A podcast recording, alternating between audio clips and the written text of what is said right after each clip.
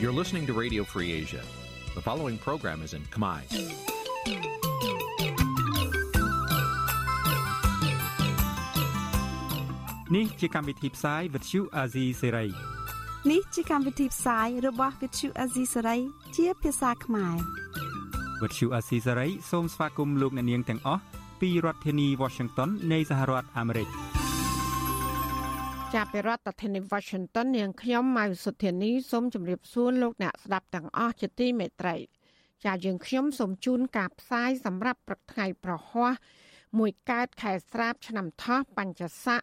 ពុទ្ធសករាជ2567ហើយដល់ត្រូវនៅថ្ងៃទី17ខែសីហាគ្រិស្តសករាជ2023ជាដំបូងនេះសូមអញ្ជើញលោកអ្នកនាងកញ្ញាស្ដាប់ព័ត៌មានប្រចាំថ្ងៃដែលមានមេត្តាដូចតទៅ ប្រពន្ធនិងអ្នកគ្រប់គ្រងសោកស្ដាយដែលតឡាការអូសបន្លាយសវនាការខណៈដែលសុខភាពរបស់លោកថាច់សេដ្ឋាកាន់តែធ្ងន់ធ្ងរសហគមន៍ដីធ្លីបោះតង់ទាមទារឲ្យតុលាការខេត្តកោះកុងដោះលែងតំណាងសហគមន៍ទាំង9នាក់ប្រជាប្រដ្ឋថាកូនឈើនៅភ្នំតាម៉ៅដែលដាំឡើងវិញ ក្រោយប្រឈើឈូឆាយអស់ខ្វះការថែទាំតើលោកកាត់រិទ្ធមានប្រវត្តិយ៉ាងណាហើយលោកបានធ្វើអ្វីខ្លះចំពោះប្រព័ន្ធច្បាប់និងលទ្ធិប្រជាធិបតេយ្យនៅកម្ពុជា។ចារួមនឹងព័ត៌មាន សំខាន់សំខាន់មួយចំនួនទៀត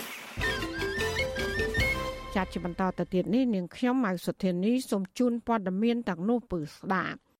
ចាលោកនាងជាទីមេត្រីប្រពន្ធលោកថាច់សេដ្ឋាអនុប្រធានគណៈបកភ្លើងទៀនគឺលោកស្រីថាច់សុកបូរ៉ានីដែលបានចូលរួមសវនាការកាលពីថ្ងៃទី16ខែសីហាម្សិលមិញបានតក់ស្លុតជាខ្លាំងនៅពេលដែលឃើញសុខភាពប្តីកាន់តែធ្ងន់ធ្ងរសឹងតែមិនអាចដើរបានខណៈដែលតឡាការនៅតែបន្តសវនាការមន្ត្រីសង្គមស៊ីវិលយល់ឃើញថាសំណុំរឿងលោកថាច់ស្ថាននេះគឺជារឿងនយោបាយតាំងពីដំបូង ហើយបើតាមនីតិវិធីច្បាប់គួរតែអនុញ្ញាតឲ្យលោកនៅក្រៅឃុំចាប់ពីរដ្ឋធានី Washington លោកសេកបណ្ឌិតរាជការព័ត៌មាននេះសាលាដំបងរាជធានីភ្នំពេញនៅថ្ងៃទី16ខែសីហា បានបើកសវនាការជំនុំជម្រះលើប្រធានសហគមន៍ខ្មែរកម្ពុជាក្រោមនិងជាអនុប្រធានគណៈបកភ្លើងទៀនលោកថៃសេដ្ឋាក្រោមបទចោទមិនបានបំពេញកាតព្វកិច្ចចំពោះឧបករណ៍អាចជួញដូរបាន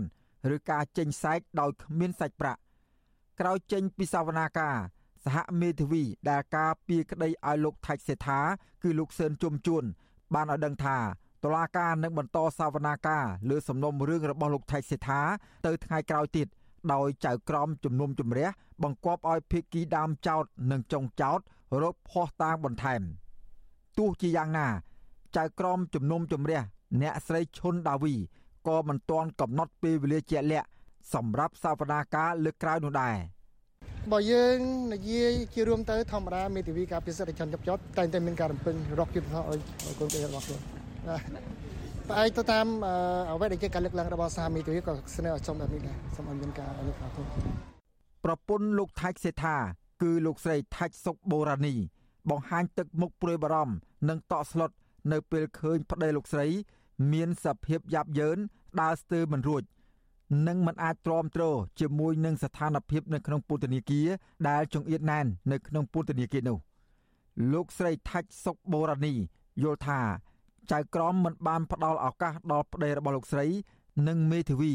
បង្ហាញភ័ស្តុតាង ដើម្បីបញ្ជាក់ពីភាពស្អាតស្អំនោះទេប៉ុន្តែបែរជាផ្ដល់ពេលវេលាច្រើនដល់ភាគីម្ខាងទៀតដែលជាដើមចោត ឲ្យសួរដដែលដដែលដើម្បីដាក់បន្ទុកលើប្តីរបស់លោកស្រីចង់និយាយថាมันយុទ្ធធម៌មួយប្តីខ្ញុំទេដែលស្អីវាចូលចង់8ខែហើយរឿងហ្នឹងហើយ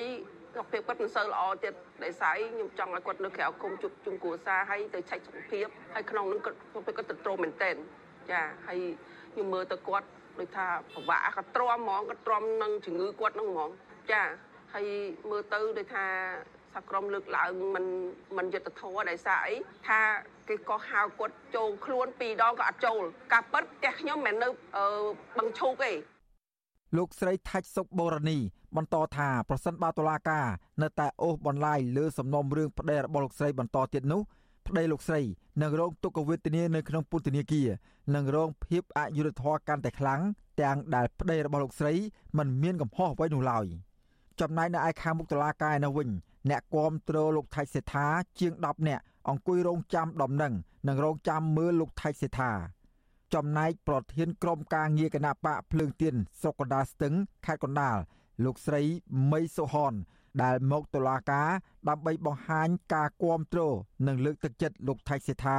ថ្លែងថាការចាប់ខ្លួនលោកថៃសេដ្ឋាគឺជាប់ពាក់ព័ន្ធនឹងរឿងនយោបាយនិងជារឿងអយុត្តិធម៌តាំងពីដំបូងមកម្លេះ លោកស្រីថាករណីលោកថៃសេដ្ឋាគឺជាឧទាហរណ៍មួយនៃការធ្វើទុកបុកម្នេញមកលើសកម្មជននយោបាយបកប្រឆាំងជាមួយគ្នានេះដែរលោកស្រីក៏ទទូចឲ្យតុលាការដោះលែងអ្នកនយោបាយដែលមានឈាមជ័រជាខ្មែរក្រោមរូបនេះឲ្យមានសេរីភាពមកវិញការដែលចេញខ្សែស្អុយហ្នឹងវាវាជារឿងយូរណាស់ហើយចាវាអត់ត្រូវសាររើទេព្រោះរឿងហ្នឹងកាលហ្នឹងគាត់ឈ្នះក្តីហើយដល់ពេលអត់មានរឿងអីចាប់គាត់ទៅជា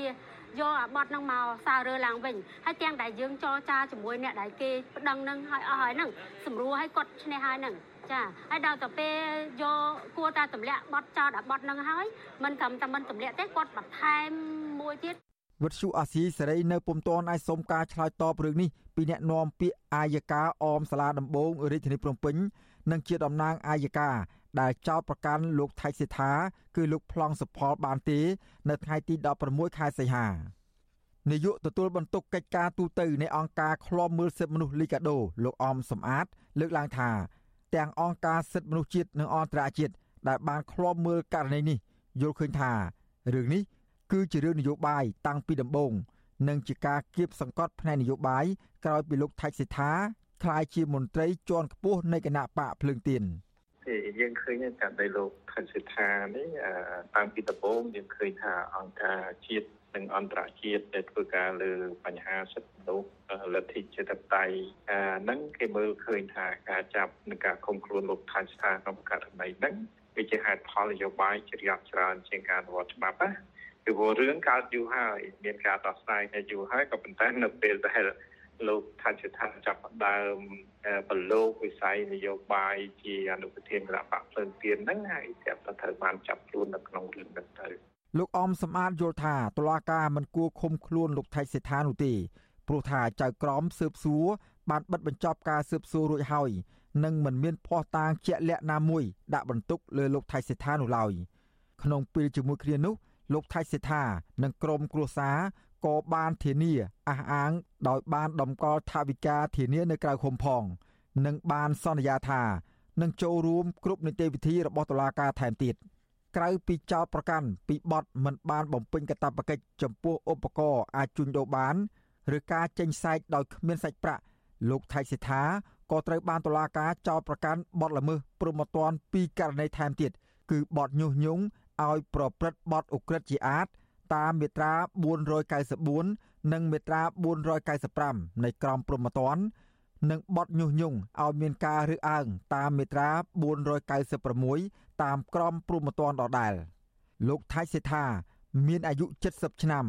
គឺជាប្រធានសហគមន៍ខ្មែរកម្ពុជាក្រោមនិងជាអនុប្រធានគណៈបកភ្លើងទៀនត្រូវបានសមត្ថកិច្ចចាប់ខ្លួន នៅម្ដុំវត្តសំរោងអណ្ដែតខណ្ឌសែនសុខរាជធានីភ្នំពេញ កាលពីល្ងាចថ្ងៃទី16ខែមករាឆ្នាំ2023ក្រោយការចាប់ខ្លួន លោកថៃសេដ្ឋាត្រូវបានគេបញ្ជូនទៅឃុំខ្លួនបណ្ដោះអាសន្នភ្លាមភ្លាមនៅពន្ធនាគារព្រៃសរក្រោមបទចោទប្រកាន់ពីបទមិនបានបំពេញកាតព្វកិច្ចចំពោះឧបករណ៍អាចជួញដូរបានឬការចេញសែកដោយគ្មានសាច់ប្រាក់ចំនួន5សន្លឹកទៅឲ្យក្រុមហ៊ុនរិនឆាយផនសបដែលប្រព្រឹត្តតាំងពីឆ្នាំ2019ខ្ញុំបាទសេកបណ្ឌិត វុទ្ធុអាស៊ីសេរីពីរដ្ឋធានីវ៉ាស៊ីនតោនចាលោកនាងជាទីមេត្រីពាក់ព័ន្ធនឹងប្រព័ន្ធតុលាការនៅកម្ពុជានេះរយៈពេលប្រមាណឆ្នាំចុងក្រោយនេះរដ្ឋាភិបាលលោកហ៊ុនសែនបានប្រើប្រាស់ប្រព័ន្ធតុលាការដែលឥតលាក់លៀមដើម្បីបង្ក្រាបសម្លេងឯករាជ្យនិងសម្លេងប្រឆាំងជាមួយគ្នានេះច្បាប់មួយចំនួនត្រូវបានបង្កើតឡើងឬក៏កែប្រែទៅតាមអំពើចិត្តរបស់មេដឹកនាំបកកណ្ដាលអំណាច ដើម្បីជាប្រយោជន៍ផ្ទាល់ខ្លួនជាជាងប្រយោជន៍ជាតិមនុស្សកន្លឹះដែលនៅពីក្រោយរឿងរ៉ាវទាំងនេះគឺរដ្ឋមន្ត្រីក្រសួងយុតិធម៌លោកកើតរិទ្ធតើលោកកើតរិទ្ធមានប្រវត្តិយ៉ាងណាហើយលោកបានធ្វើអ្វីខ្លះចំពោះប្រព័ន្ធច្បាប់និងលទ្ធិប្រជាធិបតេយ្យនៅកម្ពុជាចាសសេចក្តីរាយការណ៍ពុស្ដាអំពីរឿងនេះលោកណានៀងនឹងបានស្ដាប់នាពេលបន្តិចទៀតនេះ លោកណានៀងជាទីមេត្រីដំណើរធាននឹងស្ដាប់ការផ្សាយរបស់វិទ្យុអសីសេរី តាមបណ្ដាញសង្គម Facebook YouTube និង Telegram លោកណានៀងក៏អាចស្ដាប់ការផ្សាយរបស់យើងតាមរលក ធាតុអាកាសខ្លីឬ Short Wave តាមកម្រិតនិងកម្ពស់ដូចតទៅ ចាប់ពីព្រឹកចាប់ពីម៉ោង5កន្លះដល់ម៉ោង6កន្លះតាមរយៈប៉ុស SW 12.14 MHz ស្មើនឹងកម្ពស់ 25m និងប៉ុស SW 13.71 MHz ស្មើនឹងកម្ពស់ 22m ការសម្រាប់ពេលយប់វិញគឺចាប់ពីម៉ោង7កន្លះដល់ម៉ោង8កន្លះគឺតាមរយៈប៉ុស SW 9.33 MHz ស្មើនឹងកម្ពស់ 32m ប៉ុស SW 11.88 MHz ស្មើនឹងកម្ពស់ 25m និងប៉ុស SW 12.15 MHz ស្មើនឹងកម្ពស់ 25m ចាសសូមអរគុណលោកណានៀងជាទីមេត្រីដែលឡាយតាក់ទងនឹងបញ្ហាបរិស្ថានវិញប្រជាពលរដ្ឋនិងសកម្មជនបរិស្ថានព្រួយបារម្ភថាប្រៃឈើនៅភ្នំតាម៉ៅនឹងមិនអាចស្ដារឡើងវិញបានដោយសារតែខូនឈើដែលដាំជួសការឈូសឆាយទាំងនោះ មិនសូវលូតលាស់ល្អនិងងាប់ដោយអន្លើអន្លើមន្ត្រីសង្គមស៊ីវិលធ្វើការផ្នែកបរិស្ថាន ថាអាញាធរត្រូវតែយកចិត្តទុកដាក់មើលថែទាំកូនឈើទាំងនោះនិងមិនត្រូវអនុញ្ញាតឲ្យមានការចិញ្ចោធ្វើអាជីវកម្មកំសាន្តនៅទីនោះឡើយចា៎នេះគឺជាសកម្មភាពរបស់លោកមានរិទ្ធជំវិញបញ្ហានេះកូនឈើមួយចំនួនដែលត្រូវបានគេដាំស្ដារឡើងវិញ នៅតំបន់ភ្នំតាម៉ៅ ក្រោយរងនឹងការឈូសឆាយដោយក្រុមហ៊ុនអង្គការលេនវត្រាកាលពីឆ្នាំមុននោះឥឡូវនេះកំពុងខ្វះការថែទាំដោយខ្លះនៅសល់តែដើមគ្មានស្លឹកនិងមួយចំនួនទៀតងាប់តែម្ដងពលរដ្ឋនៅតំបន់ភ្នំតាម៉ៅលោកឃ្លាំងសុផាតប្រាប់វិសុវស៊ីស្រីថាបច្ចុប្បន្នទីវាលនេះបានក្លាយជាកន្លែងលេងកម្សាន្តរបស់ប្រជាពលរដ្ឋនៅក្នុងមូលដ្ឋានដែលមានអាជីវករលក់ដូរម្ហូបអាហារកន្លែងក្មេងលេងនិងមនុស្សម្នាមកជួបជុំគ្នាផឹកស៊ីនៅទីនោះ លោកបន្តថាដោយសារឡានម៉ូតូចេញចូលច្រើនការនេះបានបណ្ដាលឲ្យប៉ះពាល់ដល់កូនឈើដោយសារតែការជិះកិនប៉ះពាល់លើរុក្ខជាតិទាំងនោះជាងនេះទៅទៀតលោកថាអ្នកមកកំសាន្តនៅទីនោះតែងបោះចោលសម្រាមពាសវាពាសកាលទាំងនៅលើដីនិងនៅក្នុងស្រះទឹកដែលទុកយកទៅស្រោចស្រពរុក្ខជាតិទាំងនោះ ហ្នឹងហើយគេឃើញគេថតមកដែរអូកន្លែងខ្លះគេថតមកបានណាវាច្រើនពេកទៅតាមមកកគ្នាប្រមូលអស់ដែរបើវាច្រើនពេកអូនសៅអាទិត្យដល់ណែនការលើកឡើងនេះធ្វើឡើងបន្ទាប់ពីអាជ្ញាធរបានអនុញ្ញាតឲ្យប្រជាពលរដ្ឋនិងអាជីវករលក់ដូរនៅតំបន់ដាំកូនឈើ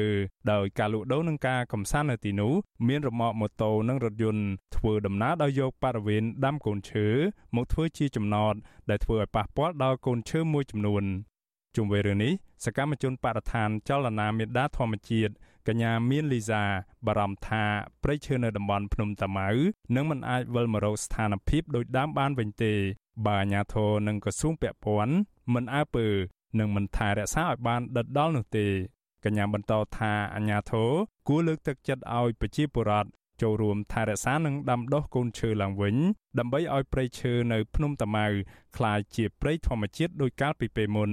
ខ្ញុំសូមឲ្យតំបន់ដុំតាម៉ាហ្នឹងជាតំបន់ប័ណ្ណពិសោធន៍មួយសម្រាប់អាជ្ញាធរបន្ទាប់ពីត្រូវបានបំផ្លាញទៅ600ហិកតាហ្នឹងក៏គួរតែលើកកម្ពស់ឲ្យមានការចូលរួមកិច្ចការពីបរិស្ថានពីប្រជាពលរដ្ឋជាពិសេសយុវជននិងអ្នកពាក់ព័ន្ធហ្នឹងហើយស្ដារព្រៃឈើនៅនឹងឡើងវិញទោះក្នុងកំឡុងពេលប្រហែលទសវត្សរ៍ទៅមុខបានវាធំដូចដើមក៏ត្រូវតែធ្វើវាចាប់ពីពេលហ្នឹងអញ្ចឹងតំបន់ភ្នំតាម៉ៅត្រូវបានព្រះមហាក្សត្រចេញព្រះរាជក្រឹត្យកាលពីថ្ងៃទី19ខែសីហាឆ្នាំ2022ដាក់ឲ្យក្លាយទៅជាតំបន់ការពារព្រៃឈើមានផ្ទៃដីសរុបជាង2000ហិកតា ដោយបង្កើតជាឧទ្យានសួនសត្វដើម្បីថែរក្សាអភិរក្សព្រៃឈើនិងការពារសត្វព្រៃ ការដាក់ព្រៃភ្នំតាម៉ៅចូលជាតំបន់ការពារនេះគឺក្រោយពេលដែលក្រុមហ៊ុនអង្គការលេនវត្រាទទួលបានសិទ្ធិអភិវឌ្ឍនិងឈូសឆាយព្រៃអស់ជាង500ហិកតា តែត្រូវបានលោកហ៊ុនសែនបញ្ឈប់ទៅវិញដោយសារតែមានការរិះគន់ពីមហាជន និងអង្គការសង្គមស៊ីវិល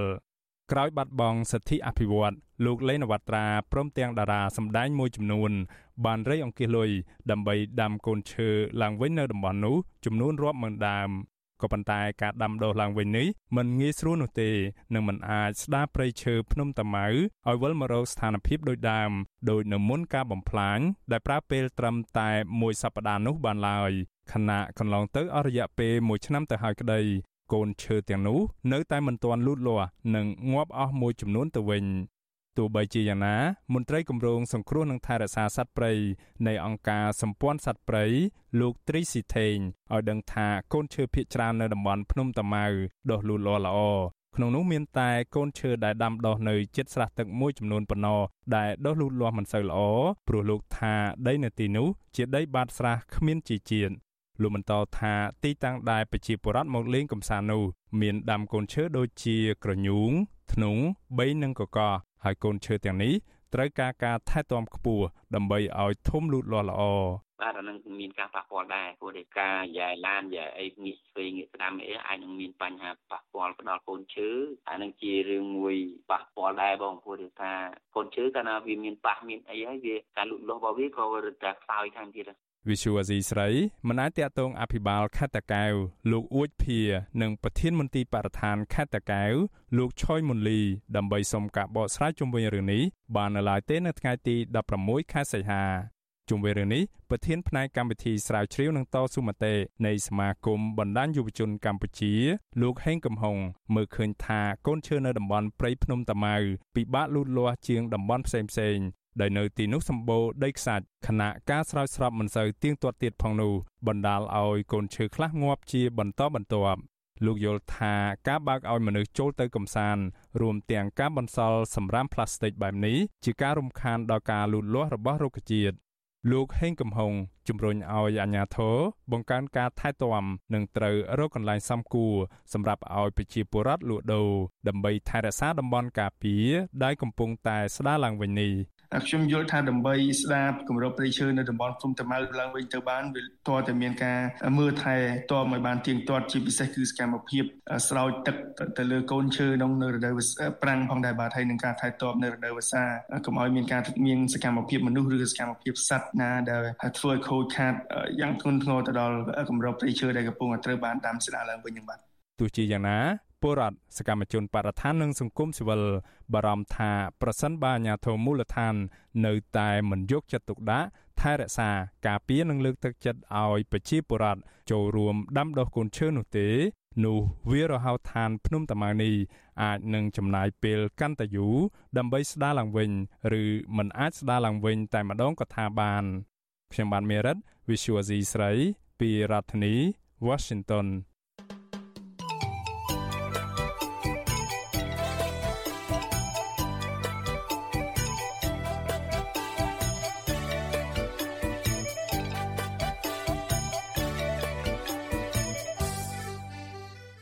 ចាលោកដានៀងជាទីមេត្រីក្រមសហគមន៍មានតំណត់ដីធ្លី បានបោះតង់នៅខាងមុខសាលាដំបងខេត្តកោះកុង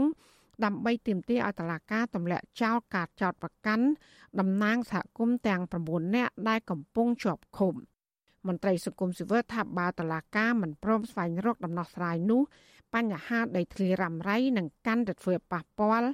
ដល់សិទ្ធិសេរីភាពនិងសេដ្ឋកិច្ចរបស់ប្រជាពលរដ្ឋ ចាសសូមស្ដាប់សេចក្តីរាយការណ៍របស់លោកជីវតាជំវិញព័ត៌មាននេះក្រមប្រជាសហគមន៍ប្រមាណ100នាក់កាលពីយប់ថ្ងៃទី15សីហាមិនត្រឡប់ទៅផ្ទះវិញទេនឹងបានបោះតង់ដេកនៅខាងមុខសាលាដំបងខេត្តកោះកុង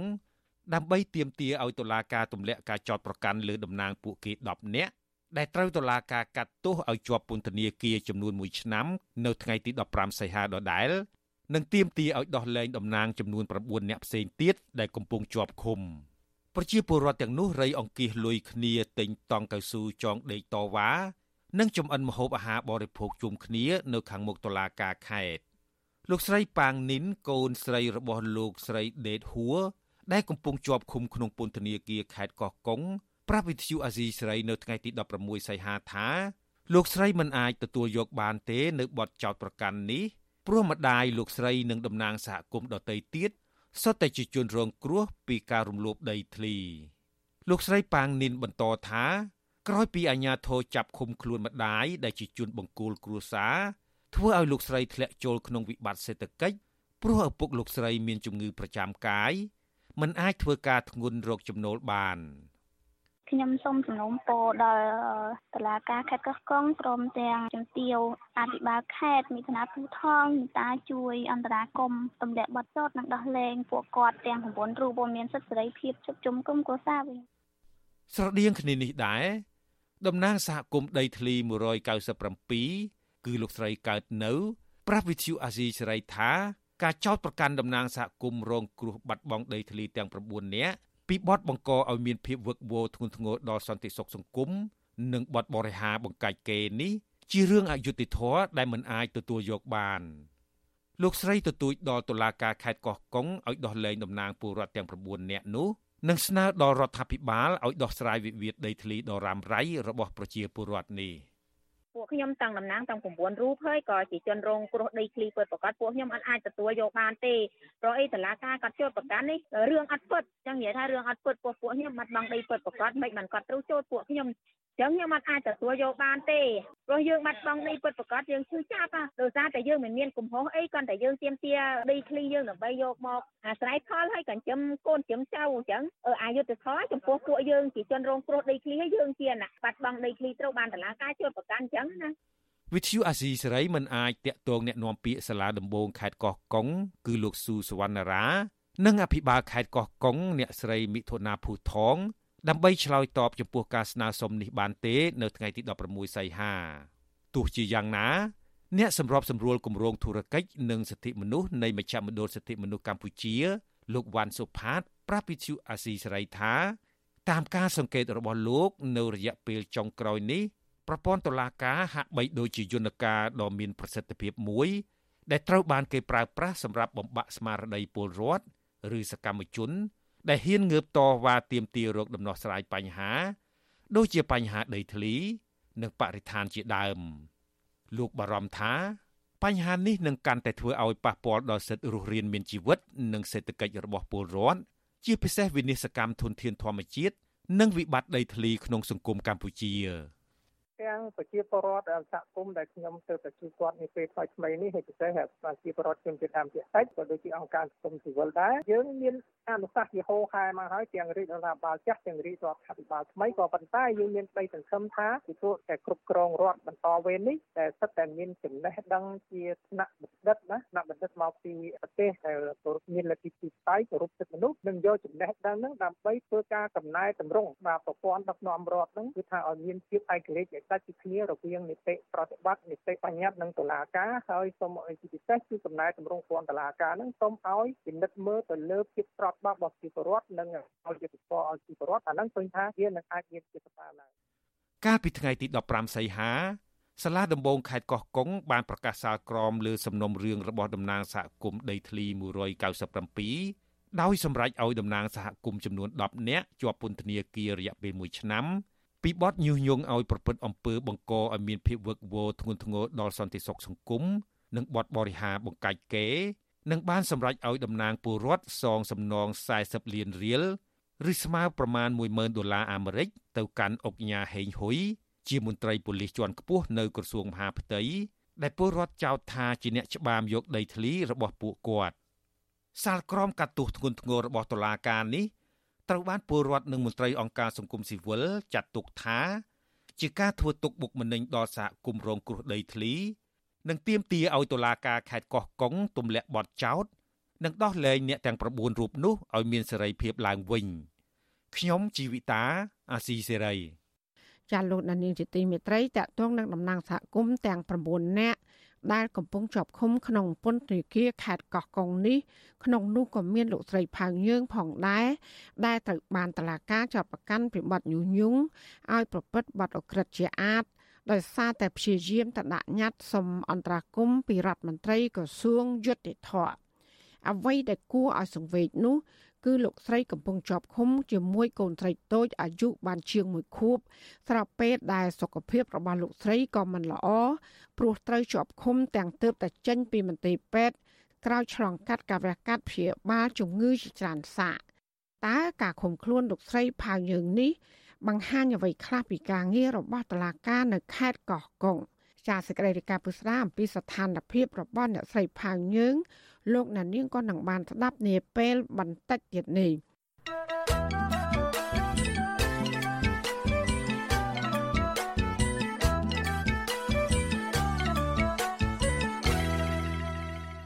លោកអ្នកស្ដាប់ទទីមេត្រីនៅឯខេត្តព្រះវិហារនៅវិញ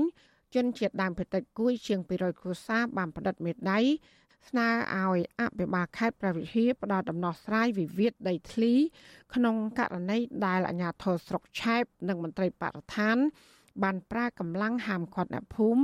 មិនឲ្យដាំដុះលើដីស្រែចម្ការដែលពួកគាត់បានបង្កបង្កើនផលអស់ជាយូរឆ្នាំមកហើយជនជាតិដើមបតិចគួយទាំងនោះ រស់នៅក្នុងភូមិដងផ្លិតនិងភូមិណារុងឃុំឆែប2ស្រុកឆែបកំពុងពិបាកចិត្តខ្លាំងខ្លាចក្រែងបាត់បង់ដីស្រែចម្ការចិញ្ចឹមក្រពះក្រោយពីអាជ្ញាធរស្រុកបានបញ្ជូនកម្លាំងហាមឃាត់ពួកគាត់មិនឲ្យដាំដុះកាពិពេថ្មីថ្មីនេះអ្នកភូមិថាបំណងរបស់អាជ្ញាធរគឺចង់ដកហូតដីស្រែចម្ការរបស់ពួកគាត់ ដែលមានទំហំជាង200ហិកតាជាសម្បត្តិរដ្ឋស្ថិតនៅចំណុចវាលក្បាលដំរីគៀកនឹងភូមិណារុងដែលពួកគាត់បានដាំដុះនិងកាប់ឆ្ការសម្អាតដី ជាបន្តបន្ទាប់ជាង10ឆ្នាំមកហើយតំណាងបរដ្ឋលោកខិនសាខនប្រពន្ធស៊ីស្រីនៅថ្ងៃទី16ខែសីហា ថាពួកលោកបានដាក់លិខិតជូនអភិបាលខេត្តប្រវត្តិហារួចហើយដោយមានបរដ្ឋជាង200គ្រួសារផ្តិតមេដៃគ្រប់គ្រងក៏ប៉ុន្តែអាជ្ញាធរមិនទាន់ឆ្លើយតបនៅឡើយ។ លោកថាដីដែលអាជ្ញាធរស្រុកហាមមិនឲ្យពួកលោកដាំដុះមានបរិវត្ត40គ្រួសារបានអាស្រ័យផលជាក់ស្ដែង ដោយក្នុងមួយគ្រួសារមានដីចំនួនពី3ហិកតា15ហិកតា ហើយមានដំណាំដំឡូងមីពោតសណ្ដែកនិងស្រូវជាដើម។ តំបន់នេះបើមិនធ្វើស្រែធ្វើចម្ការក៏អត់ឡាប់ចូលទាំងតំបន់អីរស់បើម្នាក់ម្នាក់ជំពាក់លីពនីគារឡើងរឹបគុណឡាយកមកធ្វើអាតលោកនោះបើគេដកហូតដីធ្លីនេះគេបិទមិនអោយប្រជាជនចូលធ្វើប៉ះពាល់ប្រជាកសិករនៅក្នុងតំបន់នេះនឹងហើមធំគឺស្រែចម្ការញ៉ាបាទស្រែចម្ការជាអាជីពមួយបន្ទឹកមកជីវិតរស់ហើយក៏មានស្រែចម្ការនៅបានរស់បានទៀតបើអត់ស្រែអត់ចម្ការហើយក៏ស្មើនឹងខ្លួនឡាប់ទៅណាគ្រូ លិខិតដែលវិទ្យុអស៊ីសេរីទទួលបានមានស្នាមមេដៃប្រជាពលរដ្ឋ213គ្រួសារផ្សាយជូនអភិបាលខេត្តប្រវត្តិហាលោកកឹមរិទ្ធី កាលពីថ្ងៃទី15ខែសីហាដោយសរសេរថាអភិបាលរងស្រុកឆែបលោកអ៊ុំសុភឿនបានដឹកនាំកម្លាំងហាមឃាត់បរដ្ឋមិនឲ្យស្ទូងស្រូវនិងដាំដុះហើយកាលពីខែមុនសមត្ថកិច្ចបានទៅបោះបង្គោលរបងចំក្បាលដីដែលបរដ្ឋអាស្រ័យផលនឹងមានផ្នែកខ្លះអាជ្ញាធរបានសង់រោងគោដោយមិនបានជូនដំណឹង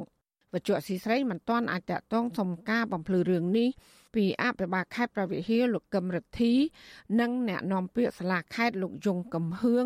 បាននៅឡើយទេនៅថ្ងៃទី16ខែសីហាដោយទូរស័ព្ទហៅចូលតែគ្មានអ្នកលើកចំណែកអភិបាលស្រុកឆែបលោកឡង់សុបិនក៏មិនអាចសុំការអធិប្បាយបានដែរព្រោះនៅពេលទូរស័ព្ទហៅចូល អ្នកលើកទូរស័ព្ទនិយាយថាច្រឡំលេខ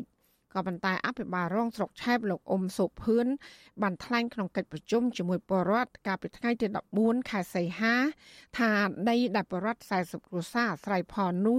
គឺគ្មានប្លង់កម្មសិទ្ធិនោះទេ គឺជាកម្មសិទ្ធិរបស់រដ្ឋនៅក្នុងកិច្ចប្រជុំកាលពីថ្ងៃទី14ខែសីហានោះប្រជាប្រដ្ឋជាង200គ្រួសារបានជួបជុំគ្នា ស្ដាប់ការលើកឡើងរបស់អាជ្ញាធរស្រុកឆែបនិងមន្ត្រីបរិស្ថាន ដើម្បីសម្របសម្រួលដោះស្រាយរឿងនេះ ក៏ប៉ុន្តែអាជ្ញាធរមិនអនុញ្ញាតឲ្យបរដ្ឋនិយាយពីបញ្ហាដីធ្លីនោះឡើយកិច្ចប្រជុំនេះពុំមានការសម្របសម្រួលដោះស្រាយដោយសន្តិវិធីនោះទេក៏ប៉ុន្តែផ្ទុយទៅវិញមានការប្រកែកគ្នារវាងអាជ្ញាធរនិងប្រជាពលរដ្ឋហើយនឹងជម្រាបជូនបងប្អូនដែរបងបងបងប្អូនជារដ្ឋថាតើជាបរិបទនេះព្រមធ្វើអត់ហើយឲ្យនឹងអត់ជាបរិបទសំខាន់ទៅបងបងបងបងប្អូនលើកជីវិតបាទ កន្លែងណាស្រ័យផលសម្រាប់សម្រួលឲ្យមានភាពត្រឹមត្រូវទៅនិយាយយកឆ្នៃយកចាញ់តំណាងបរដ្ឋលោកខិនសខនបន្ថែមទៀតថាអាញាធរស្រុកបានហៅប្រជាប្រដ្ឋមកគម្រាមនិងបិទសិទ្ធិបរដ្ឋមិនឲ្យនិយាយក្នុងកិច្ចប្រជុំ។គេប្រាប់ថាជាបើអត់មានប្លង់កាន់កាពីគឺជាកម្មសិទ្ធិរបស់រដ្ឋគេលីតំត់សុំមានយោបល់អីលើកដៃអីគឺគេបិទចូលតំណងបានន័យថាមានមកប្រជុំទេគេមកគម្រាមយកគ្នាតំណងទេតែកិច្ចប្រជុំនោះគឺគ្មានទេតាមមើលដែរ ជុំវិញរឿងនេះដែរប្រធានអង្គការប្រឡកខ្មែរលោកពឹកសាភ័ណ្ឌស្នើឲ្យអភិបាលខេត្តលោកកឹមរិទ្ធីអន្តរាគមពន្លឿនការដោះស្រាយរឿងនេះដើម្បីឲ្យបរដ្ឋមានដីធ្លីប្រើប្រាស់ដោយសុវត្ថិភាព និងមានទំនុកចិត្តលើអាជ្ញាធរអីគាត់ជាជនជាតិអាមេរិកដែលរស់នៅក្នុងភូមិកំណើតរបស់គាត់រួចទៅហើយមិនមែនអ្នកចំណូលស្រុកឆ្ងាយទៅទេអញ្ចឹងទៅគួរតែពិនិត្យមើល ហើយអ្វីដែលគួរផ្ដល់លទ្ធភាពឲ្យពួកគាត់គួរតែមានការប្រកាសជាសាធារណៈហើយនឹងឲ្យគាត់មានទំនុកចិត្តនិងសុវត្ថិភាពក្នុងការប្រើប្រាស់ដីធ្លីទៀតផងបាទតំណាងបរដ្ឋបន្ថែមថាអ្នកភូមិភៀកច្រើនជំរាបបំណុលធនាគារនិងពឹងផ្អែកលើប្រាក់ចំណូលដែលទទួលបានពីការធ្វើកសិកម្មរួមមានដាំដំឡូងមីពោតសណ្តែកស្រូវនិងស្វាយចន្ទីជាដើម ប្រថាប្រសិនបញ្ញាធរដកហូតដីពួកគាត់អស់ពួកគាត់នឹងលំបាកខ្លាំងហើយអាចធ្វើចំណាក់ស្រុកហើយកូនកូននឹងបោះបង់ការសិក្សាកាន់តែច្រើនអ្នកភូមិប្រមានថានឹងលើកគ្នាតវ៉ាទៀតប្រសិនបើអាជ្ញាធរខេត្តមិនដោះស្រាយបញ្ហានេះចាលោកនាងជាទីមេត្រីវັດឈុអសីស្រីសូមជូនដំណឹងថាយើងគ្មានអ្នកយកព័ត៌មានប្រចាំទៅប្រទេសកម្ពុជានោះឡើយ បើសិនជាមានជនណាម្នាក់អះអាងថាជាអ្នកយកព័ត៌មានឲ្យវិទ្យុអសីស្រីនៅកម្ពុជានោះគឺជាការក្លែងបន្លំយកឈ្មោះរបស់វិទ្យុអសីស្រី ក្នុងគោលបំណងទុច្ចរិតរបស់បុគ្គលនោះចាសសូមអរគុណ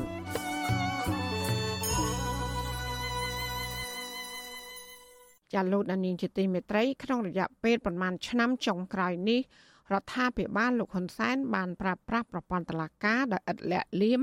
ដើម្បីបង្ក្រាបសម្លេងឯករាជ្យនិងសម្លេងប្រឆាំងជាមួយគ្នានេះច្បាប់មួយចំនួនត្រូវបានបង្កើតឡើងឬក៏កែប្រែទៅតាមអំពើចិត្តរបស់មេដឹកនាំបកកណ្ដាលអំណាចដើម្បីជាប្រយោជន៍ផ្ទាល់ខ្លួនជាជាងប្រយោជន៍ជាតិមនុស្សកន្លឹះដែលនៅពីក្រោយរឿងរ៉ាវទាំងនេះគឺរដ្ឋមន្ត្រីក្រសួងយុតិធម៌លោកកាត់រិទ្ធ តើលោកកាត់រិទ្ធមានប្រវត្តិយ៉ាងណាហើយលោកបានធ្វើអ្វីខ្លះចំពោះប្រព័ន្ធច្បាប់និងលទ្ធិប្រជាធិបតេយ្យនៅកម្ពុជាចាប់ពីរដ្ឋធានី Washington លោកយ៉ងច័ន្ទតារាមានសេចក្តីរាយការណ៍ពិស្ដារជំវិញព័ត៌មាននេះដូចតទៅលោកកើតរិទ្ធបានឡើងរាសីយ៉ាងខ្ពស់ត្រដែតនៅក្នុងរដ្ឋាភិបាលអាណត្តិទី7នេះលោកបានក្លាយជាឧបនាយករដ្ឋមន្ត្រីមួយរូបនៅក្នុងចំណោម10រូបនៃរដ្ឋាភិបាលបន្តត្រកូលដឹកនាំដោយលោកហ៊ុនម៉ាណែត ជាមួយគ្នានេះលោកបន្តកាន់កាប់មុខតំណែងជារដ្ឋមន្ត្រីក្រសួងយុតិធធដដែលគណៈរដ្ឋមន្ត្រីនៅក្នុងក្រសួងភិកច្រើនត្រូវបានផ្លាស់ប្ដូរលោកកើតរិទ្ធឡើងតំណែងធំដល់កម្រិតកំពូលនេះដោយសារតែលោកបំរើលោកហ៊ុនសែនបានយ៉ាងល្អជាពិសេសលោកបានជួយសម្រេចផែនការរបស់លោកហ៊ុនសែននៅក្នុងការផ្ទេរតំណែងនាយករដ្ឋមន្ត្រីទៅឲ្យលោកហ៊ុនម៉ាណែតលោកកើតរិទ្ធមានអាយុ44ឆ្នាំលោកកើតនៅឆ្នាំ1979នៅក្នុងស្រុកព្រៃឈរខេត្តកំពង់ចាម ភរិយារបស់លោក គឺអ្នកស្រីយេតម៉ូលីនអតីតចៅក្រមសាឡាវធរដែលកាន់សំណុំរឿងជាច្រើនរបស់មន្ត្រីគណៈបកប្រឆាំងនិងអ្នកទោសមនសិការលោកគឺជាកូនប្រសាររបស់លោកយេតចរិយាអតីតព្រះរាជអាជ្ញាអមតុលាការក្រុងភ្នំពេញ និងបច្ចុប្បន្នជាអគ្គព្រះរាជអាជ្ញារងអមតុលាការកំពូលលោកកើតរិទ្ធនិងអ្នកស្រីយេតម៉ូលីនមានកូនចំនួន3នាក់ប្រុស2នាក់និងស្រីម្នាក់លោកកើតរិទ្ធបានបញ្ចប់ការសិក្សាថ្នាក់បរិញ្ញាបត្រផ្នែកច្បាប់ ពីសាកលវិទ្យាល័យភូមិន្ទនីតិសាស្ត្រនិងវិទ្យាសាស្ត្រសេដ្ឋកិច្ច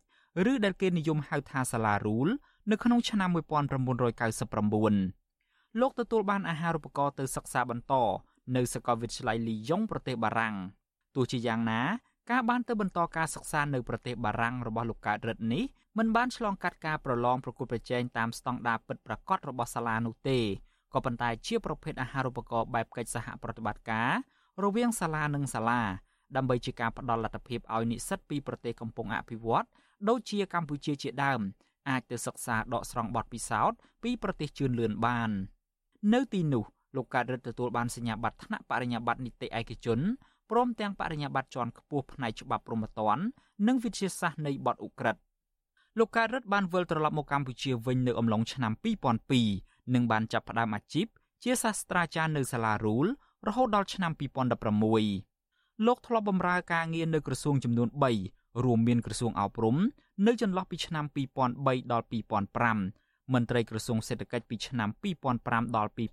2012និងលេចមុខជាមន្ត្រីជាន់ខ្ពស់ក្រសួងយុតិធធចាប់ពីឆ្នាំ2007រហូតក្លាយជារដ្ឋមន្ត្រីក្រសួងយុតិធធនៅចុងខែមីនាឆ្នាំ2020នៅពេលចូលកាន់តំណែងលោកកើតរិទ្ធបានសន្យាជាអោឡារឹកថា លោកនឹងប្រឹងប្រែងលើកកម្ពស់គុណភាពយុតិធធនៅកម្ពុជា និងស្មោះត្រង់ចំពោះជាតិខ្ញុំសូមធ្វើការបដិញ្ញាចិត្តពង្រឹងប្រព័ន្ធអភិបាលកិច្ចល្អដើម្បីធ្វើជាស្នូលក្នុងការដឹកនាំវិស័យយុតិធធក៏ដូចជាធានាសាមគ្គីភាពផ្ទៃក្នុងក្នុងជួរថ្នាក់ដឹកនាំនៃវិស័យនេះដើម្បីឲ្យមានការចូលរួមអនុវត្តប្រកបដោយការទទួលខុសត្រូវខ្ពស់ក្នុងបុព្វហេតុនៃការងារកំណែតម្រង់ពង្រឹងសុចរិតភាពនិងភាពត្រឹមត្រូវនៃការអនុវត្តការងាររបស់មន្ត្រីតុលាការ តាមរយៈការពង្រឹងវិន័យនិងសិលធម៌វិជ្ជាជីវៈក្នុងវិស័យនេះសម្ដៅលើកកម្ពស់កិត្តិយសនិងសេចក្តីថ្លៃថ្នូរនៃអង្គតុលាការបន្ថែមទៀតនៅពេលនោះមតិមួយចំនួន មានក្តីរំពឹងទុកថា លោកកើតរិទ្ធអាចនឹងជួយស្រោចស្រង់ប្រព័ន្ធយុតិធធដែលកំពុងចុះទុនខ្សោយនោះឲ្យមករឹងមាំវិញតាមរយៈការរៀនសូត្រផ្នែកច្បាប់បានជ្រៅជ្រះរបស់លោកក៏ប៉ុន្តែលទ្ធផលហាក់បានដើរបញ្ច្រាស់ពីនេះលោកកើតរិទ្ធបានប្រែក្លាយប្រព័ន្ធយុតិធធរបស់ជាតិ ទៅជាអាវុធដ៏មុតស្រួចសម្រាប់លោកហ៊ុនសែនដើម្បីកម្ចាត់សម្លេងប្រឆាំងនឹងសម្លេងឯករាជ្យតុលាការបានដំណើរការរឿងក្តីជាច្រើន ដែលមានចរិតនយោបាយប្រឆាំងទៅនឹងសកម្មជននយោបាយសមាជិកសង្គមស៊ីវិលយុវជននិងអ្នកបញ្ចេញមតិរិះគន់រដ្ឋាភិបាលករណីខ្លះគេមិនធ្លាប់ឃើញមានទេនៅក្នុងប្រវត្តិនៃប្រព័ន្ធយុតិធធកម្ពុជា គឺតុលាការបានបើកសវនាការទ្រង់ទ្រាយធំ ដែលមានជនជាប់ចោតរាប់សិបនាក់រហូតដល់រាប់រយនាក់ សវនាការទាំងនោះបើទោះបីជាគ្មានភ័ស្តុតាងដាក់បន្ទុកគ្រប់គ្រាន់ក៏ដោយក៏អាចឲ្យតុលាការផ្ដន់ទោសកម្មជននយោបាយសមាជិកសង្គមស៊ីវិលនិងអ្នករិះគន់រដ្ឋាភិបាលជាបន្តបន្ទាប់ពីបទរួមគំនិតក្បត់និងបទញុះញង់ជាការពិតថាលោកកើតរិទ្ធមិនមែនជាចៅក្រមកាត់សេចក្តីនៅក្នុងរឿងទាំងនេះទេក៏ប៉ុន្តែនៅក្នុងទូនាទីជារដ្ឋមន្ត្រីក្រសួងយុតិធធលោកមានសិទ្ធិបញ្ជាព្រះរាជអាជ្ញាទូទាំងប្រទេសគឺព្រះរាជអាជ្ញាឬតំណាងអัยការនេះឯង ដែលជាអ្នកចោទប្រកាន់និងជាអ្នកបញ្ជាឲ្យចាប់ខ្លួនសកម្មជននយោបាយសមាជិកសង្គមស៊ីវិលនិងអ្នករិះគន់រដ្ឋាភិបាលយកទៅដាក់ពន្ធនាគារជាបន្តបន្ទាប់នៅក្នុងសំណុំរឿងដែលមានចរិតនយោបាយបែបនេះព្រះរាជអាជ្ញាចោទប្រកាន់បែបណាចៅក្រមច្រើនតែសម្រេចក្តីទៅតាមបទចោទនោះនាយករងទទួលបន្ទុកកិច្ចការតំបន់អាស៊ីនៃអង្គការឃ្លាំមើលសិទ្ធិមនុស្សអន្តរជាតិ Human Rights Watch លោក Phil Robertson មានប្រសាសន៍ថាប្រព័ន្ធយុត្តិធម៌នៅកម្ពុជា មិនមានអ្វីប្រសើរឡើងនោះទេនៅក្នុងអាណត្តិរបស់លោកកើតរិទ្ធពីព្រោះតែតុលាការស្ថិតនៅក្រោមការបង្គាប់បញ្ជាផ្នែកនយោបាយរបស់គណៈបកប្រជាជនកម្ពុជារួចទៅហើយ Any idea that somehow there's going to be reform មតិដែលថាមានកំណែតម្រង់ប្រព័ន្ធយុទ្ធធននៅកម្ពុជានេះគឺគ្រាន់តែជាការស្រមើលស្រមៃខុសពីការពិតការអះអាងទាំងឡាយអំពីកំណែតម្រង់ប្រព័ន្ធយុទ្ធធរប្រៀបបានទៅនឹងផ្សែងដែលរសាត់តាមខ្យល់ រដ្ឋាភិបាលកម្ពុជានិយាយបែបនេះគឺដើម្បីព្យាយាមធ្វើយ៉ាងណាឲ្យសហគមន៍នៅតែរាប់រកឬក៏ដើម្បីឲ្យម្ចាស់ជំនួយបន្តផ្ដល់លុយកាក់ឲ្យពួកគេប៉ុន្តែធៀបពិតនោះគឺពួកគេគ្មានចេតនាពិតប្រាកដក្នុងការលើកស្ទួយប្រព័ន្ធយុទ្ធធម៌ឡើយរដ្ឋាភិបាលកម្ពុជា និងគណៈបកកណ្ដាលអំណាចគ្មានការបដិញ្ញាចិត្តផ្នែកនយោបាយណាមួយ ដើម្បីផ្លាស់ប្ដូរប្រព័ន្ធសពថ្ងៃនេះទេ ពីព្រោះពួកគេទទួលបានផលប្រយោជន៍ពីប្រព័ន្ធយុទ្ធធរបែបចំណាប់ខ្មាំងនិងតុលាការដែលគ្រប់គ្រងដោយអ្នកនយោបាយសពថ្ងៃនេះ from politically controlled courts លោកកើតរិទ្ធគឺជាមនុស្សគន្លឹះនៅក្នុងការរៀបចំនិងកែប្រែច្បាប់ជាច្រើនដែលមានចរិតគៀបសង្កត់សិទ្ធិសេរីភាពនិងប្រឆាចរដ្ឋធម្មនុញ្ញហើយដែលមានទិសដៅតែមួយគត់គឺបំរើប្រយោជន៍នយោបាយឲ្យលោកហ៊ុនសែនច្បាប់សំខាន់សំខាន់ដែលលោកកើតរិទ្ធបានចូលរួមតាក់តែង និងកែប្រែនោះរួមមានក្រមព្រហ្មទណ្ឌក្រមនីតិវិធីព្រហ្មទណ្ឌច្បាប់3តាក់ទងទៅនឹងការគ្រប់គ្រងតុលាការច្បាប់បោះឆ្នោតច្បាប់អង្គការសមាគមច្បាប់សហជីពច្បាប់គ្រប់គ្រងប្រទេសនៅក្នុងភាពអាសន្ននិងវិសោធនកម្មច្បាប់គណៈបកនយោបាយជាដើមច្បាប់ស្ដីពីវិសោធនកម្មច្បាប់គណៈបកនយោបាយនេះត្រូវបានក្រុមអ្នកច្បាប់វាយតម្លៃថាគឺជាច្បាប់ដ៏អាក្រក់ដែលបំពានរដ្ឋធម្មនុញ្ញនិងផ្ទុយពីច្បាប់សិទ្ធិមនុស្សអន្តរជាតិពីព្រោះច្បាប់មួយនេះ ធ្វើឡើងតម្រូវតាមចិត្តមេបកកណ្ដាលអំណាចលោកហ៊ុនសែនដើម្បីរំលាយគណៈបកសង្គ្រោះជាតិនិងបំបិទសិទ្ធិនយោបាយរបស់ក្រុមមេដឹកនាំគណៈបកប្រឆាំងរឿងមួយទៀតដែលប្រហែលជាគ្មានអ្នកច្បាប់ណាហ៊ានធ្វើដោយលោកកើតរិទ្ធនោះគឺការរៀបចំកែប្រែរដ្ឋធម្មនុញ្ញជាច្រើនលើកច្រើនសារឲ្យលោកហ៊ុនសែនដែលធ្វើឲ្យច្បាប់កម្ពុជាមួយនេះបាត់បង់អនុភាពរបស់ខ្លួន ជាពិសេសគឺវិសោធនកម្មរដ្ឋធម្មនុញ្ញលើកទី10កាលពីឆ្នាំ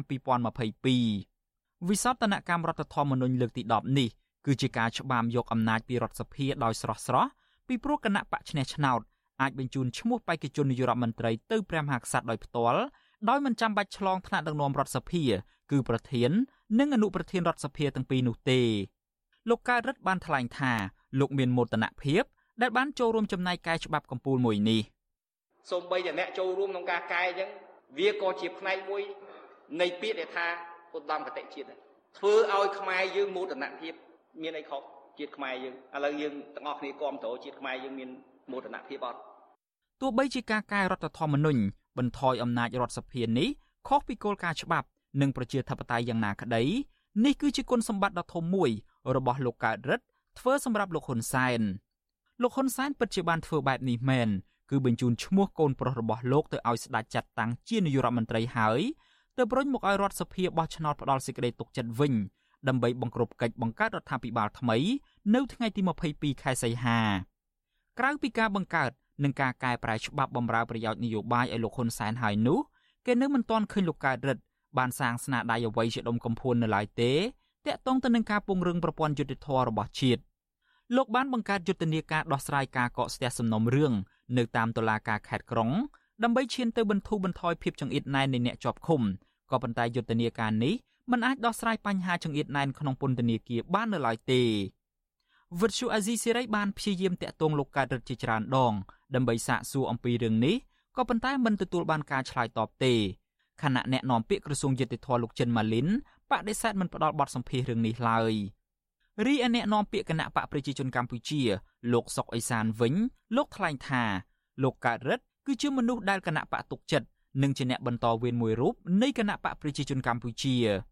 គោលការណ៍របស់គណៈបកប្រជាជនកម្ពុជាគឺផ្ដល់អធិភាពទៅលើមន្ត្រីវ័យក្មេងដែលបន្តវេនដែលជាតំពាំងស្នងរិស័យអាហ្នឹងគឺថាមិនមែនចំពោះតែអាដាមកើតទេក៏ប៉ុន្តែដែលគាត់ចេញមុខមាត់ខ្លាំងនោះគឺថាដោយសារវាពាក់ព័ន្ធនឹងវិស័យច្បាប់ដែលពាក់ព័ន្ធនឹងជំនាញរបស់អាដាមកើតរិទ្ធបាទក្រៅពីឡើងទូនីតិធំហើយនោះអំណាចរបស់លោកកើតរិទ្ធក៏បានកើនឡើងដល់កម្រិតកំពូលដែរថ្មីថ្មីនេះ លោកបានចូលរួមអាកាត់រឿងជាច្រើនជាមួយលោកហ៊ុនសែនមានជាអាចការរក្សាទុកមន្ត្រីមុខងារនយោបាយរាប់ពាន់នាក់ឲ្យបន្តកាន់តួនាទីនៅក្នុងរដ្ឋាភិបាលអាណត្តិទី7ដែលជារឿងខ្ជះខ្ជាយថវិកាជាតិនិងការបង្គាប់ឲ្យលោកជីវកេងដែលមានស្នាដៃនៅក្នុងការរំលាយគណៈបកសង្គ្រោះជាតិនោះបានកាន់តំណែងជាប្រធានស្ដីទីតុលាការកំពូលជាដើមក្រៅពីនេះលោកគឺជាមនុស្សគន្លឹះនៅក្នុងការតែងតាំងនិងផ្ទេរមុខតំណែងចៅក្រមនិងព្រះរាជអាជ្ញាទូទាំងប្រទេស ទាំងតុលាការជាន់ទាបនិងតុលាការជាន់ខ្ពស់ដោយសារតែលោកកើតរិទ្ធគឺជាមន្ត្រីជាន់ខ្ពស់នៅក្នុងគណៈបកប្រជាជនកម្ពុជានៅក្រោមអាណត្តិគ្រប់គ្រងរបស់លោកទាំងនៅក្នុងក្រសួងយុតិធធននិងឧត្តមក្រុមប្រឹក្សានៃអង្គចៅក្រមពួកចៅក្រមនិងព្រះរាជអាជ្ញាជាច្រើនអ្នកនាំគ្នាបង្ហាញដោយឥតលាក់លៀមអំពីសមាជិកភាពរបស់ខ្លួន ជាសមាជិកគណៈបកប្រជាជនកម្ពុជាដោយលោកកើតរិទ្ធដែរយោងទៅតាមគោលការណ៍បែងចែកអំណាចរវាងនីតិប្រតិបត្តិនីតិបញ្ញត្តិ និងអង្គតុលាការដែលកំណត់នៅក្នុងរដ្ឋធម្មនុញ្ញឧត្តមក្រុមប្រឹក្សានៃអង្គចៅក្រមគឺជាផ្នែកមួយនៃអង្គតុលាការដែលត្រូវតែឯករាជ្យពីក្រសួងយុតិធធពីព្រោះក្រសួងយុតិធធគឺជាសេនាធិការរបស់រដ្ឋាភិបាលអតីតតំណាងរាជគណៈបកសង្គ្រោះជាតិលោកអេងឆៃអៀងមានប្រសាសន៍ថាលោកកើតរិទ្ធមិនមែនជាអ្នកកែតម្រង់ប្រព័ន្ធយុតិធធឲ្យល្អប្រសើរនោះទេផ្ទុយទៅវិញរដ្ឋមន្ត្រីក្រសួងយុតិធធរូបនេះគ្រាន់តែជាបុគ្គលម្នាក់ ដែលលោកហ៊ុនសែនយកមកប្រើ ដើម្បីឲ្យកែប្រែឬបង្កើតច្បាប់ណា ដែលបំរើផលប្រយោជន៍ក្រុមគ្រួសារត្រកូលហ៊ុនប៉ុណ្ណោះលោកហ៊ុនសែនគាត់ត្រូវជ្រើសរើសសេនាធិការរបស់គាត់ដែលជាអ្នកវិឆ្លាតហើយសុចិត្តធ្វើអីតាមបង្គាប់បញ្ជារបស់គាត់ទោះបីខុសក៏ដោយដែលយើងឃើញច្បាប់ទាំងអស់ច្បាប់ចុងក្រោយនេះទាំងអស់នេះណាគឺបំរើឲ្យប្រយោជន៍ហ៊ុនសែនក្រុមប្រឹក្សាហ៊ុនសែនឬបពុហ៊ុនសែនប៉ុណ្ណឹងទេមិនមែនសម្រាប់ប្រយោជន៍សាធារណៈប្រយោជន៍សង្គមទេ ហើយចំពោះលោកកែដិតគឺគាត់ជាឧបករណ៍ដ៏ល្អដ៏មុតស្រួចសម្រាប់ការពារតកូលហ៊ុនលោកកើតរិទ្ធបានជាប់ឈ្មោះថាជាអ្នកចូលរួមបំផ្លាញប្រជាធិបតេយ្យនិងរំលោភសិទ្ធិមនុស្សធ្ងន់ធ្ងរហើយអតីតសមាជិកសភាសហរដ្ឋអាមេរិកបានស្នើឈ្មោះលោកនៅក្នុងបញ្ជីមន្ត្រីកម្ពុជាដែលត្រូវដាក់ទណ្ឌកម្មនៅក្រោមសេចក្តីស្នើច្បាប់ប្រជាធិបតេយ្យកម្ពុជាអនុម័តកាលពីខែកក្កដាឆ្នាំ2018បើទោះបីជាសេចក្តីស្នើច្បាប់នេះ មិនបានចូលជាធរមាននៅពេលនោះក៏ដោយ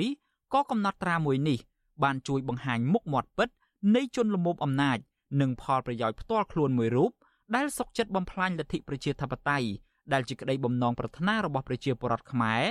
ដើម្បីទៅជួយប្រែក្លាយកម្ពុជា ទៅជាកម្មសិទ្ធិរបស់ក្រុមគ្រួសារលោកហ៊ុនសែននិងបកពួករបស់លោកខ្ញុំយ៉ងច័ន្ទដារាវិទ្យុអាស៊ីសេរី Washington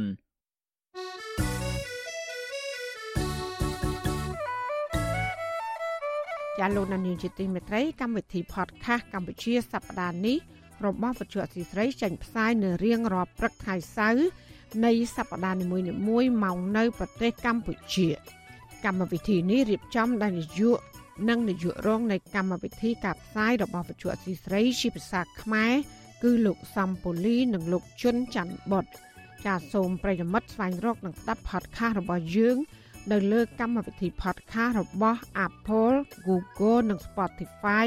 ដោយគ្រាន់តែសរសេរពាក្យថាកម្ពុជាសប្តាហ៍នេះឬ Cambodia This Week នៅក្នុងប្រអប់ស្វែងរកតែយើងក៏នឹងចាប់ផ្សាយ podcast នេះឡើងវិញនៅក្នុងការផ្សាយផ្ទាល់របស់យើងតាមបណ្ដាញសង្គម Facebook, YouTube និង Telegram នៅរៀងរាល់យប់ថ្ងៃច័ន្ទចាសសូមអរគុណ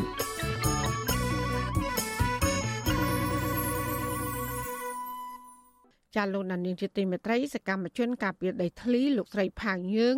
កំពុងជាប់ឃុំក្នុងពន្ធនាគារខេត្តកោះកុងក្រោយពីតឡាការបានចាប់ប្រកាន់ពីបទញុះញង់ឲ្យប្រព្រឹត្តបទអក្រិតជាអាតដោយសារតែព្យាយាមតដាក់ញត្តិ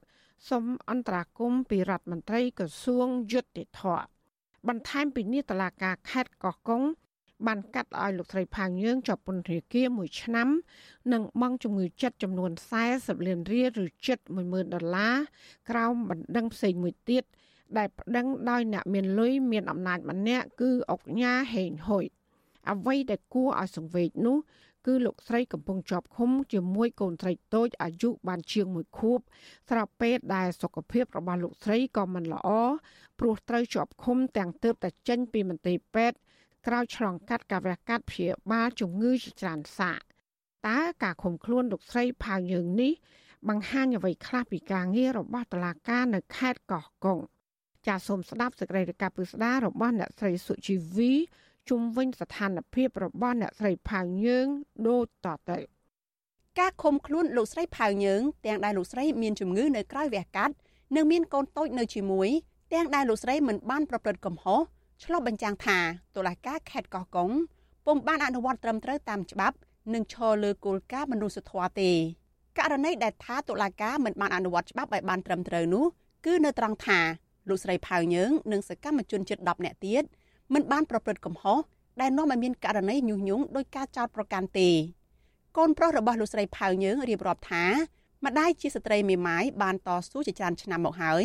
ដើម្បីទៅការពារដីធ្លី និងជួយពលរដ្ឋផ្សេងទៀតនៅក្នុងសហគមន៍ហើយថ្ងៃដែលម្ដាយត្រូវចាប់ខ្លួននោះក៏មិនមែនជាថ្ងៃដែលម្ដាយប្រព្រឹត្តបទកំហុសអ្វីឡើយម៉ាក់ខ្ញុំគ្រាន់តែទៅដាក់ញត្តិទេដោយសារតែយើងមានបញ្ហាដីធ្លីពិតប្រាកដមែនហើយយើងត្រូវការរកជំនួយដោះស្រាយបញ្ហាវិវាទដីធ្លីរបស់យើងក៏ដូចជារឿងស្នើសុំអីផ្សេងផ្សេងទៅកាន់ថ្នាក់ដឹកនាំដោយសារតែយើងមានជំនឿជឿជាក់លើថ្នាក់ដឹកនាំបានយើងទៅសុំប៉ុន្តែផ្ទុយមកវិញបែរជាមានការចាប់ខ្លួនរបស់ម៉ាក់របស់ខ្ញុំក៏ដូចជាគ្រួសារភូមិមីងសហគមន៍របស់ខ្ញុំអញ្ចឹងសូមឲ្យសម្ដេចមេត្តាជួយក្រុមគ្រួសាររបស់ពួកខ្ញុំព្រោះពួកខ្ញុំសិតតែជាអ្នកដែលក្រីក្រលំបាកវេទនាខ្លាំងណាស់ហើយបើសិនជាបាត់បង់ដីធ្លីហើយហើយត្រូវមានក្រុមគ្រួសារមានអ្នកចាប់ខ្លួនទៀតអញ្ចឹងក្រុមគ្រួសារខ្ញុំរំពឹងអីអញ្ចឹងខ្ញុំវេទនាមែនទែននៅក្នុងសហគមន៍ខ្ញុំក្នុងវ័យ48ឆ្នាំលោកស្រីផៅយើងស្ថិតនៅក្នុងចំណោមស្ត្រីខ្មែរជាច្រើនអ្នកឈានមុខនៅក្នុងការប្រើប្រាស់សិទ្ធិការពារដីធ្លី ប្រឆាំងការរំលោភបំពានពីសំណាក់អ្នកមានអំណាចមានទ្រព្យសម្បត្តិឬហៅថាជាការបណ្តេញចេញដោយបង្ខំជីវិតរបស់លោកស្រីផៅយើងមិនងាយស្រួលទេព្រោះជាស្ត្រីមេម៉ាយមានកូន5នាក់នៅក្នុងបន្ទុកបញ្ហាចំនួនដីធ្លីរ៉ាំរ៉ៃជាច្រើនឆ្នាំមកនេះលោកស្រីជួបបញ្ហាជាច្រើនរាប់មិនអស់រាប់ទាំងការបាក់បែកគ្រួសារកូនចៅពុំបានទៅសាលារៀនជីវភាពគ្រួសារធ្លាក់ចុះនិងការធ្វើទុកបុកម្នេញជាច្រើនពីអាជ្ញាធរនិងក្រុមហ៊ុន ដែលប៉ុនប៉ងចង់បានដីរបស់ពលរដ្ឋគ្រួសារលោកស្រីផៅយើងមិនខុសពីពលរដ្ឋជាច្រើនរយគ្រួសារផ្សេងទៀតដែរមានចំនួនដីធ្លីជាមួយនឹងក្រុមហ៊ុនចំនួន2ដែលចូលទៅអភិវឌ្ឍនិងដាំអំពៅនៅក្នុងខេត្តកោះកុងគឺក្រុមហ៊ុនចិន Union Development និងក្រុមហ៊ុនរបស់អុកញ៉ាហេងហ៊ុយម្ចាស់ក្រុមហ៊ុនហេងហ៊ុយ Agriculture លោកស្រីផៅយើងត្រូវអាជ្ញាធរខេត្តកោះកុងចាប់ខ្លួនដាក់ពន្ធនាគារកាលពីថ្ងៃទី29ខែមិថុនា នៅពេលក្រមពលរដ្ឋដែលមានចំនួនដីធ្លីនៅក្នុងខេត្តកោះកុងនាំគ្នាធ្វើដំណើរទៅដាក់ញត្តិសូមអន្តរាគមន៍ពីរដ្ឋមន្ត្រីក្រសួងយុតិធធលោកកើតរិទ្ធឲ្យទម្លាក់ចោលបទចោទប្រកាន់លើតំណាងសហគមន៍ចំនួន30នាក់ដែលជាប់បណ្ដឹងនៅតុលាការដោយសារបញ្ហាដីធ្លីក្រុមអង្គការសង្គមស៊ីវិលចាត់ទុកការសម្រេចឃុំខ្លួនលោកស្រីផៅយើងនិងសកម្មជន8នាក់ទៀតពីបទញុះញង់គឺជាការចោទប្រកាន់ដែលគ្មានមូលដ្ឋានព្រោះពួកគេគ្រាន់តែលើកឡើងពីទុកកង្វល់ និងសម្ដែងមតិដោយអហិង្សា ដើម្បីការពារដីធ្លីនិងសហគមន៍លើសពីនេះកាលពីថ្ងៃទី2ខែសីហាកន្លងទៅនេះតុលាការខេត្តកោះកុងបានផ្តន្ទាទោសលោកស្រីផៅយើងនិងលោកស្រីសេងលីនពីបទបរិហាកេនិងញុះញង់ឲ្យមានភាពវឹកវរធ្ងន់ធ្ងរដល់សន្តិសុខសង្គមអ្នកទាំងពីរត្រូវតុលាការកាត់ឲ្យជាប់ពន្ធនាគារមួយឆ្នាំនិងសងជំងឺចិត្តទៅលោកហេងហ៊ុយដែលបច្ចុប្បន្នជាមន្ត្រីជាន់ខ្ពស់នៅក្រសួងមហាផ្ទៃ ចំនួន40លានរៀលឬជិត10000ដុល្លារក្នុងថ្ងៃជាមួយគ្នានោះតុលាការខេត្តកោះកុងបានចេញដីកាឲ្យលោកស្រីផៅយើងនិងសកម្មជន8នាក់ទៀតដែលកំពុងជាប់ឃុំហើយនោះឲ្យជាប់ឃុំបណ្ដោះអាសន្ននៅក្នុងសំណុំរឿងញុះញង់ឲ្យប្រព្រឹត្តបទឧក្រិដ្ឋជាអាតដោយសារតែព្យាយាមទៅដាក់ញត្តិសុំអន្តរាគមន៍ពីរដ្ឋមន្ត្រីក្រសួងយុតិធធមន្ត្រីផ្នែកសិទ្ធិដីធ្លីនៃមជ្ឈមណ្ឌលសិទ្ធិមនុស្សកម្ពុជាលោកវ៉ាន់សុផាតលើកឡើងថាករណីនេះឆ្លុះបញ្ចាំងថា តុលាការមិនអាចគេចផុតពីការរិះគន់ថាជាឧបករណ៍របស់អ្នកមានលុយមានអំណាចដើម្បីតែបំបិតសម្លេងពលរដ្ឋមិនឲ្យចេញតតាំងនឹងការរំលោភយកដីធ្លីរបស់ពួកគេ ដែលមិនមែនជាការអនុវត្តច្បាប់ពិតប្រាកដជាពលរដ្ឋខ្មែរដែលរងផលប៉ះពាល់ដោយសារដីធ្លីនឹងភាគច្រើនគឺរងគ្រោះដោយតែភាគីម្ខាងទៀតជាក្រុមហ៊ុនជាអ្នកមានអំណាច បាទជាអ្នកមានឥទ្ធិពលអីចឹងទៅដែលចិត្តស្និទ្ធជាមួយនឹងថ្នាក់ដឹកនាំរដ្ឋអីចឹងទៅអាហ្នឹងវាពិបាកប្រជាពលរដ្ឋក្នុងការទាមទាររយយុត្តិធម៌ណាបាទអាហ្នឹងវាប៉ះពាល់ដល់គេថាបំបត្តិសេរីភាពក្នុងការជួបជុំក្នុងការបញ្ចេញមតិរដ្ឋធម្មនុញ្ញរបស់យើងគឺចែងច្បាស់គឺថាទុកលំបាកជាពលរដ្ឋហ្នឹងបាទបញ្ហារបស់ជាពលរដ្ឋត្រូវបានយកចិត្តទុកដាក់ដោយអាជ្ញាធររដ្ឋទៅទៅវិញបច្ចុប្បន្ននេះគាត់មិនដឹងថាស្រែករអ្នកណាទេយើង ករណីចាប់ឃុំខ្លួននិងកាត់ទោសលោកស្រីផៅយើងតាក់ទងនឹងរឿងដីធ្លីនេះក្រៅតែពីបង្ហាញថាតុលាការមិនអនុវត្តច្បាប់ឲ្យបានត្រឹមត្រូវហើយនោះក៏បង្ហាញថាតុលាការគ្មានមនុស្សធម៌ដែរនោះក៏ដោយសារតែនៅពេលនោះលោកស្រីកំពុងមានជំងឺជាប់ខ្លួននិងទើបតែចេញពីមន្ទីរពេទ្យនៅមិនទាន់បានមួយអាទិត្យស្រួលបួលផងបន្ថែមពីនេះលោកស្រីផៅយើងមានទាំងកូនតូចជាប់ទៅជាមួយនៅក្នុងពន្ធនាគារជាមួយលោកស្រីផងដោយឡែកនៅឯផ្ទះនៅឃុំជីខ កូនកូនរបស់លោកស្រី ដែលមិនទាន់ដឹងក្តីហើយពឹងផ្អែកតែទៅលើម្ដាយកំពុងខ្វះអ្នកមើលថែកូនស្រីអាយុ8ឆ្នាំរបស់លោកស្រីផៅយើង ទទូចឲ្យអាជ្ញាធរដោះលែងម្ដាយឲ្យមានសេរីភាពខ្ញុំបាត់បង់ការពាក្យថាក្តៅហើយនឹងអត់បានរៀនខ្ញុំនឹកម៉ាក់ខ្ញុំខ្ញុំចង់បានដូចគ្រួសារគេជួបជុំគ្នាខ្ញុំចង់ជួបម៉ាក់ ឲ្យគេដោះលែងម៉ាក់ខ្ញុំចេញមកក្រៅខ្ញុំចង់ជួបម៉ាក់ខ្ញុំសូមឲ្យតឡាការនៅខេត្តកោះកុងជួយដោះលែងម៉ាក់ខ្ញុំពីពន្ធនាគារខ្ញុំចង់ជួបជុំគ្រួសារវិញបន្ថែមពីលើការដង្ហែហៅរកម្ដាយរបស់កូនកូននៅផ្ទះនៅខាងក្រៅពន្ធនាគារនេះកូនតូចរបស់អ្នកស្រីផៅយើងដែលកំពុងតែជាប់ឃុំជាមួយម្ដាយក៏កំពុងបាត់បង់សេរីភាពទាំងមិនទាន់ដឹងសេចក្តីនៅឡើយហើយអាចនឹងជួបបញ្ហាក្នុងការលូតលាស់បញ្ញាស្មារតីដោយសារតែក្នុងពន្ធនាគារ ពុំមានការថែទាំសុខភាពម្ហូបអាហារត្រឹមត្រូវនិងគ្រប់គ្រាន់សម្រាប់កុមារសកម្មជនចលនាមេដាធម្មជាតិកញ្ញាភួនកែវរស្មីដែលធ្លាប់ជាប់ពន្ធនាគារនិងធ្លាប់ឃើញបទពិសោធន៍កុមារតូចជាប់ពន្ធនាគារជាមួយម្ដាយចោទសួរថាតើតុលាការខេត្តកោះកុងគ្មានក្តីមេត្តាករណាទេឬទើបអាចដាក់ឃុំខ្លួនស្ត្រីជាម្ដាយនិងកូនតូចទាំងគ្មានកំហុសបែបនេះ ពិតជាអសិលធម៌មែនតើដែលគាត់គឺជាស្ត្រីដែលមានកូនចិត្តជាម្ដាយទោះបីជាយើងចង់ទុកកូននៅផ្ទះក៏យើងនឹកកូនក៏យើងមិនដាច់ចិត្តពីកូន កូនដែលធ្លាប់តែនៅក្បែរទ្រូងដែលធ្លាប់តែមើលថែនឹងពួកគាត់មិនមានកំហុសអីទេហើយសូមឲ្យដោះលែងពួកគាត់ទៅហើយជាពិសេសក៏គួរតែគិតគូរទៅដល់អនាគតហើយជាពិសេសហ្នឹងគឺក្មេងៗបើទោះបីជាម្នាក់ក៏ដោយក៏គាត់ជាអនាគតរបស់ប្រទេសជាតិដែរហើយគ្រប់គ្នាសុទ្ធតែមានសិទ្ធិស្មើគ្នាចំពោះមុខច្បាប់ហើយកន្លងមកយើងមើលឃើញតែអ្នករំលោភយកដីធ្លីគេហ្នឹងគឺជាអ្នកដែលរស់នៅសោយសុកសុកស្រួលទៅលើគំនរទុករបស់អ្នកដែលត្រូវបានគេរំលោភយកដីធ្លីចា៎ វិទ្យុអាស៊ីសេរីនៅមិនទាន់អាចតាក់ទងแนะនាំពាក្យសាលាដំបងខេត្តកោះកុងលោកស៊ូសវណ្ណារាដើម្បីឆ្លើយតបពីបញ្ហានេះបាននៅឡើយទេ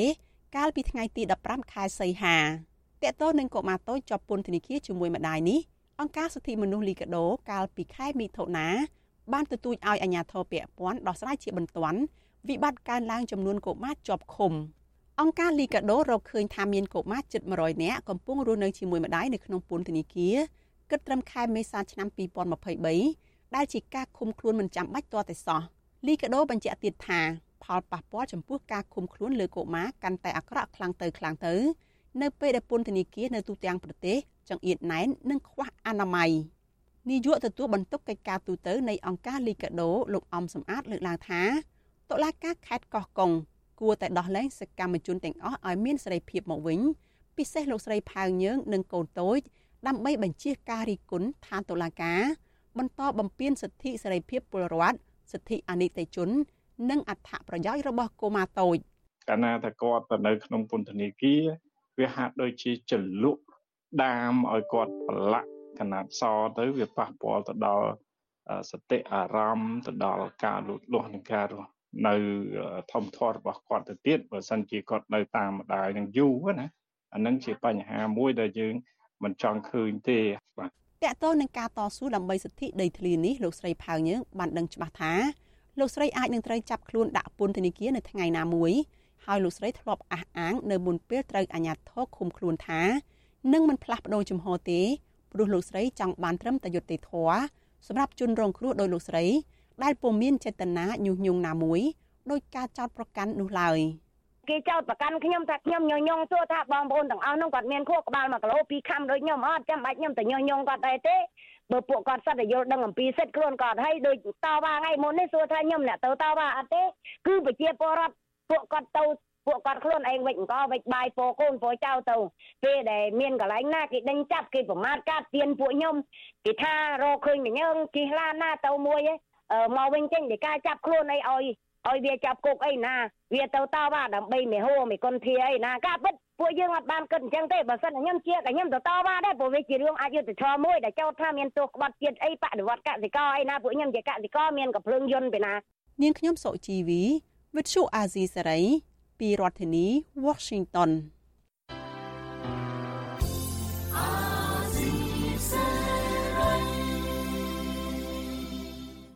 ចាលោកលានកញ្ញាអ្នកស្ដាប់ជាទីមេត្រីការផ្សាយរយៈពេល1ម៉ោងរបស់វិទ្យុអាស៊ីសេរីជាភាសាខ្មែរនៅពេលនេះចាប់តែប៉ុណ្ណេះចាយើងខ្ញុំទាំងអស់គ្នាសូមជូនពរលោកលាននិងក្រុមគ្រួសារទាំងអស់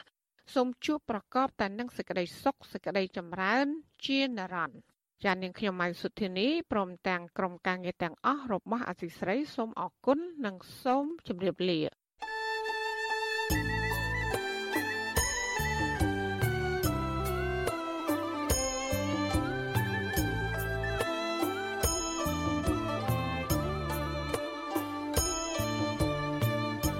វិទ្យុអាស៊ីសេរីផ្សាយតាមរលក ធារកាសខ្លីតាមកម្រិត និងកម្ពស់ដូចតទៅនេះពេលព្រឹកចាប់ពីម៉ោង5កន្លះដល់ម៉ោង6កន្លះតាមរយៈប៉ុស SW 12.14 MHz ស្មើនឹងកម្ពស់ 25m និងប៉ុស SW 13.71 MHz ស្មើនឹងកម្ពស់ 22m ពេលយប់ចាប់ពីម៉ោង7កន្លះដល់ម៉ោង8កន្លះតាមរយៈប៉ុស SW 9.33 MHz ស្មើនឹងកម្ពស់ 32m ប៉ុស SW 11.88 MHz ស្មើនឹងកម្ពស់ 25m និងប៉ុស SW 12.15 MHz ស្មើនឹងកម្ពស់ 25m លោកអ្នកនាងក៏អាចស្ដាប់និងទស្សនាការផ្សាយផ្ទាល់នៅលើគេហទំព័ររបស់ Vuthu Azizi Saray តាមរយៈអាស័យដ្ឋាន rfa.org/ ខ្មែរក្រៅពីនេះ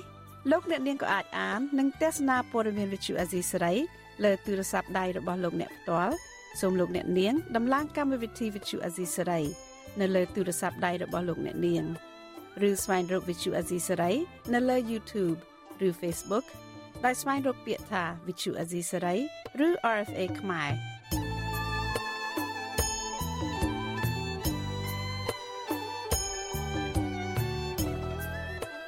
សូមលោកអ្នកនាងចុច like follow និងចុច subscribe ដើម្បីទទួលបានព័ត៌មានថ្មីៗទាន់ហេតុការណ៍ និងទស្សនាវីដេអូផ្សេងៗទៀតបានគ្រប់ពេលវេលា thank you